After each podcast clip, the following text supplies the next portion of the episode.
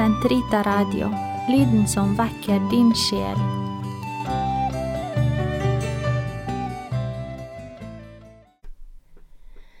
Karmels hage 27. episode De syv fruktene av tres av Jesusbarnets omvendelse Mange helgener har klare omvendelseshistorier. Augustins bekjennelser og Teresa av Avelas Boken om et liv er blant de mest kjente. Teresa Lisieux omvendelse må også regnes blant disse. Daglige omvendelser og synsransakelser er absolutt nødvendige og forventede i våre kristne liv, og blir til vår livslange og kontinuerlige omvendelsesprosess. Vi vil oppdage at vi av egen kraft kan være maktesløse overfor våre ufullkommenheter og synder, men kanskje også oppdage at Gud noen ganger griper inn på en slik måte at det blir en målbar forskjell, på en slik måte at man kan snakke om et før og et etter. Slike omvendelser som vi kan lese om hos helgene, er ikke bare interessante i deres personlige helliggjørelse, men så absolutt til nytte for oss som en lærebok i åndelig vekst og modning.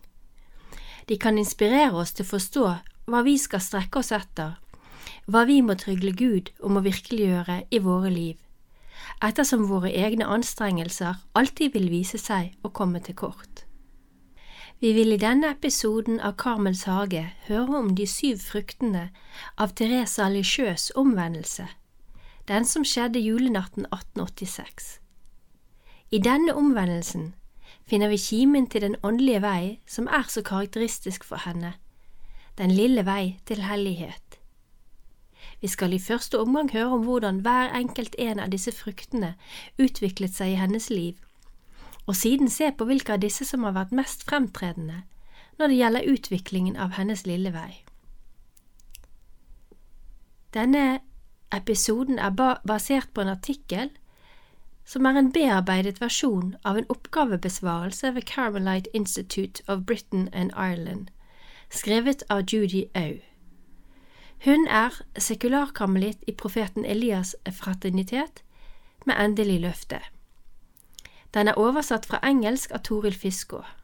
Artikkelen sto på trykk i Velias kilde vår 2018. Vi ber først sammen. Kom Hellig Ånd, fyll dine troendes hjerter og tenn i dem din kjærlighetsild. Du som gjennom de mangfoldige tunge mål samlet alle folkeslag til troens enhet. Send ut din ånd, og alt skal bli omskapt, og du fornyer jordens åsyn. La oss be. Gud, du har opplyst de troendes hjerter ved Den hellige ånd. Gi oss at vi ved din ånd kan glede oss over det som er rett, og alltid bli lykkelige ved Hans trøst. Ved Kristus vår Herre. Amen. Thereses omvendelse Thereses fullstendige omvendelse skjedde altså i julen den 25. desember 1886. Etter morens død da hun var fire år, hadde hun vært overveldet av voldsomme følelser og en økende bevissthet om sine blandede motiver i denne sykdomsperioden. Hun følte seg fullstendig hjelpeløs i forhold til disse to problemene og trengte en ny måte å håndtere sine følelser på, slik at hun kunne være en autentisk, kjærlig person. Da de, altså familien, kom hjem fra midnattsmesse, var hennes svar svært trett, og han ble irritert da han så skoene hennes fylt med gaver som sto ved kaminen. Therese overhørte tilfeldigvis hans kommentar. Så, jammen godt at dette endelig er siste året. Og den gjennombåret hennes hjerte. Men i stedet for å bli overmannet av følelser slik som hun tidligere ville blitt, holdt hun tårene tilbake. Gud måtte gjøre meg et lite under for å få meg til å vokse momentant. Men Therese var ikke lenger den samme. Jesus hadde forvandlet hennes hjerte. I stedet for å gå til rommet sitt snudde hun og gikk raskt ned trappen for å møte sin far med en lykkelig mine, som en liten dronning. Etter denne forvandlingen gjenfant hun sin sjelsstyrke, som hun hadde mistet ved morens død. De syv fruktene av Thereses omvendelse Thereses omvendelse brakte med seg syv frukter, som hjalp henne i hennes personlige utvikling, og til slutt bidro til utviklingen av hennes lille vei. 1. Den personlige opplysnings- eller selvinnsikts nådegave. Therese beskriver omvendelsen som en opplysning. I denne strålende natt som kastet lys over Den hellige treenighets herlighet, forvandlet Jesus, det lille nyfødte barnet, min sjels natt, til flommende lys. Innsikten kom til henne i et glimt, og hun så sine blandede motiver og sin selvopptattethet. Etter at hun trådte inn i Karmel, hjalp denne oppmerksomheten henne til å reflektere over sine blandede motiver. Hun skulle etter hvert innse at hun ikke kunne oppnå hellighet på egen hånd, uansett hvor mye hun prøvde. Selv om hun fremsto som from, hindret hennes selvopptatthet og overfølsomhet henne i å bli en ekte person som elsket sin neste fullt og helt. Hennes selvinnsikt sammen med kontemplasjon over Skriften ledet henne til å oppdage den lille vei. 2. Innsikt i at omvendelsen var en gave fra Gud. Therese skjønte at omvendelsen var en gave fra Gud, og dette under uførte han på denne uforglemmelige juledagen. Det eneste hun gjorde, var frimillig å ta imot denne gaven. Hun sa, På et øyeblikk utførte Jesus det verk som jeg ikke hadde maktet på ti år. Han nøyde seg med min gode vilje, som aldri har sviktet meg. Gradvis skjønte Therese at hellighet ikke var noe hun kunne oppnå ved å streve mot den, men at det var en gave fra Gud. Konklusjonen hennes var at hennes hellighet var Guds hellighet. Du må selv være min hellighet. 3. Frihet fra å skade seg selv Omvendelsen hjalp Therese til å akseptere sine svakheter og blandede motiver, uten å fordømme seg selv. Hun var ikke lenger slave av sine egne sterke følelser. Selv om farens bemerkning såret henne, trengte hun ikke å gjemme seg bort eller fortape seg i negative tanker og følelser, slik som da moren døde. Etter at hun trådte inn i Karmel, kunne hun enes med og elske søstre med vanskelige gemytt, uten å plage seg selv eller andre. Av og til måtte hun trekke seg unna når noen ble for krevende, og hun ble fristet til å opptre voldsomt eller i sinne. Å være glad i søstrene innebar å akseptere deres svakheter, og samtidig respektere sine egne begrensninger og sette grenser for seg selv. 4. Hun blir i stand til å forholde seg til sin far på hans egne premisser. Therese var som et nytt menneske etter omvendelsen. Hun kunne møte sin far med kjærlighet og medfølelse. Hun forsto at hans bemerkning var et resultat av at han var utslitt. Til tross for hans mangler var han fremdeles hennes konge. Hun kunne møte ham på hans egne premisser og ikke sine egne. Denne innsikten brukte hun når hun skulle veilede de unge søstrene i Karmel. Hun kunne forholde seg til hver enkelt med kreativitet og på deres egne premisser. Hun kommenterte. Det er langt større forskjeller mellom sjelene enn det er på ansikter. For eksempel beordret hun en søster som gråt mye, til å samle alle tårene i et muslingeskjell som hun fikk av Therese. Situasjonen ble så morsom at søsteren ble løftet ut av sin melankoni. 5. En ny forståelse av hva det betyr å leve i sann kjærlighet. Hun skjønte at sann kjærlighet begynner med å glemme seg selv. Jeg følte kort sagt kjærligheten trenge inn i mitt hjerte, et behov for å glemme meg selv for å glede andre, og siden da har jeg vært lykkelig. Livet hennes handlet ikke om henne selv, men om å dele Guds kjærlighet med andre på deres egne premisser. Hun skjønte at sann medfølelse betyr å lide med andre og forstå deres dypeste behov. For å virkelig elske sine medmennesker med medfølelse måtte hun stole på Gud og la ham lede henne. Da hun hjalp søster Pierre, var det med tålmodighet og medlidenhet selv om hun hadde negative følelser. Hun la merke til at søster Pierre hadde vansker med å håndtere brødet med, for, med sin forkrøplede hånd, så hun skar opp brødet for henne uten å bli bedt om det, og hun gikk fra henne med, en, med et strålende smil. 6. En ny forståelse av den sanne trosglød. Etter hennes omvendelse forsto hun at det å leve for å elske sine medmennesker og hjelpe dem å oppnå det høyeste gode, er å leve i sann trosglød. Hun opplevde en stor lengsel etter å arbeide for syndernes omvendelse, som hun ikke hadde følt så sterkt før. Kjærligheten som fylte hjertet hennes, ga henne et inderlig ønske om å frelse syndere. Jeg ble slått av blodet som falt fra en av hans guddommelige hender, og jeg bestemte meg for at jeg i ånden skulle holde meg ved korsets fot for å ta imot de guddommelige duggdråpene som dryppet ned der. Hun forsto at da Jesus på korset utbrøt Jeg tørster, så var det en tørst etter sjeler i hennes offerakt til den barmhjertige kjærligheten av 9. juni 1895 sier hun Jeg vil arbeide for din kjærlighet alene, med det eneste mål for øye å glede deg, trøste ditt hellige hjerte og frelse de sjeler som en gang vil komme til å elske deg til evig tid.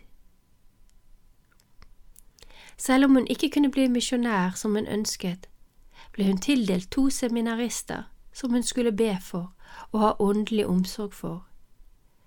Dette ble et uttrykk for hennes trosglød. Uten tvil kan man hjelpe misjonærene ved bønn og offer. 7. En ny indre styrke og et nytt mot. Hennes omvendelse ga henne en opplevelse av fornyet styrke. Før omvendelsen sa hun, jeg klarte ikke å vende meg av med denne usympatiske feilen, overfølsomhet. Men Jesus gjorde meg sterk og modig. Therese oppdager at Gud, i sin kjærlighet, bøyer seg ned til de små, til spedbarnet som ikke vet noen ting, bare kan uttrykke seg ved hjelpeløse klynk.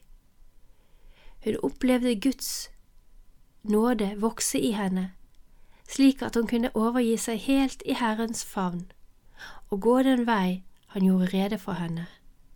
Som hun sa, det fullkomne synes enkelt for meg, det er nok å innse sin egen intethet og litenhet og overgi seg som et lite barn i Guds armer.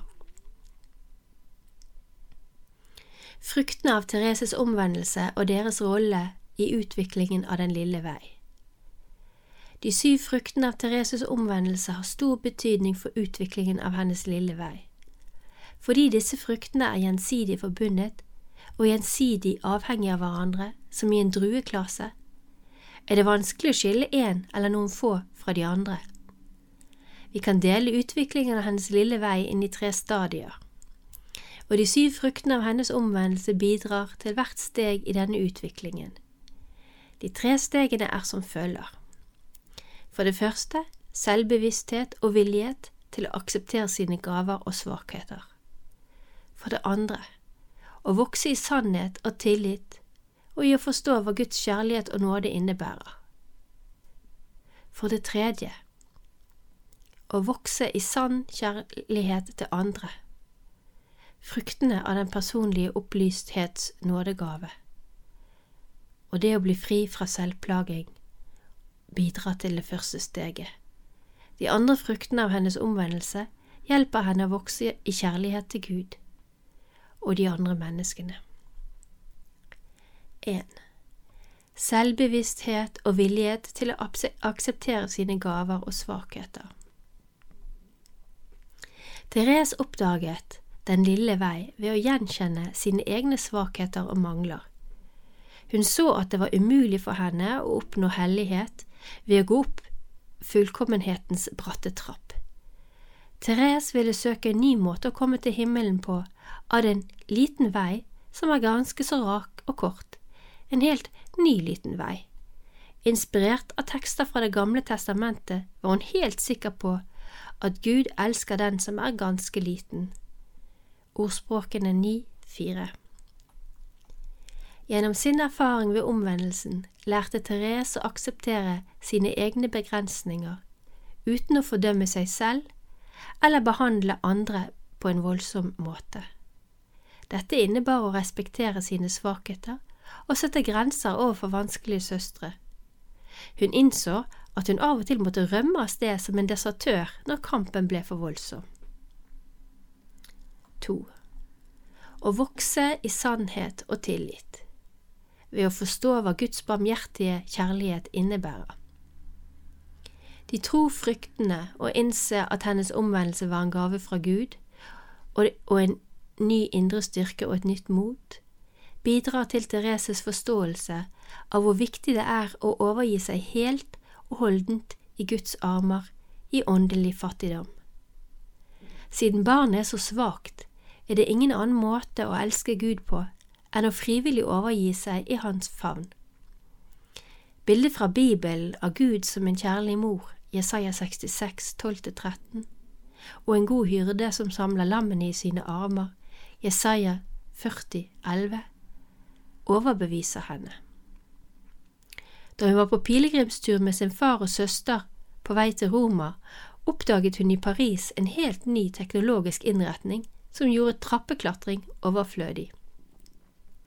Dersom det hadde eksistert en heis i det åndelige livet som kunne erstatte fullkommenhetens bratte trapp, så kunne hun nå himmelen til tross for sine svakheter. Mens hun studerte Skriften, oppdaget hun at den heis som skulle løfte meg mot himmelen, det er jo dine armer, Jesus. Når Gud ser hvor svak og full av lengsel barnet er, vil han bøye seg ned og fange det i sine armer og ta det med til sitt rike for alltid. Hun ville daglig dø bort fra seg selv og be Gud om å løfte henne. Som et lite barn som uten frykt sovner i sin fars armer. Thereses kjærlighet til Gud bestod å fortape seg i Gud i kjærlig enhet med Kristus. 3. Å vokse i sann kjærlighet til andre, de tre fruktene, å bli i stand til å forholde seg til sin far på hans premisser, og en ny forståelse av å leve i sann kjærlighet, og en ny forståelse av å leve med sann trosglød, gjør det mulig for henne å vokse i sann kjærlighet til andre. Thereses lille vei er i bunn og grunn en kjærlighetens vei, Guds overstrømmende kjærlighet til oss, og at vi deler denne kjærligheten med hverandre. Thereses omvendelseserfaring lærte henne at ekte medfølelse betydde å bevege seg vekk fra selvopptattheten til å elske andre på deres egne premisser. I prosessen med å lære seg å elske de av søstrene som var vanskelige, brukte Therese sitt hjertes gode kvaliteter, indre frihet, medfølelse, kreativitet, velvilje, selvovergivelse og takknemlighet.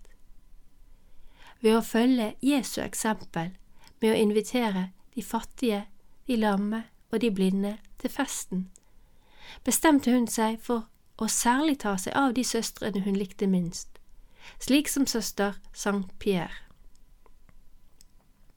Når hun reflekterte over forholdet sitt til disse vanskelige søstrene, forsøkte hun å snu de naturlige negative følelsene på en kreativ og barmhjertig måte og dele ut hyggelige gester som et vennlig smil, en hyggelig bemerkning eller små umerkelige tjenester som de små ofre man gjør i det skjulte til Gud.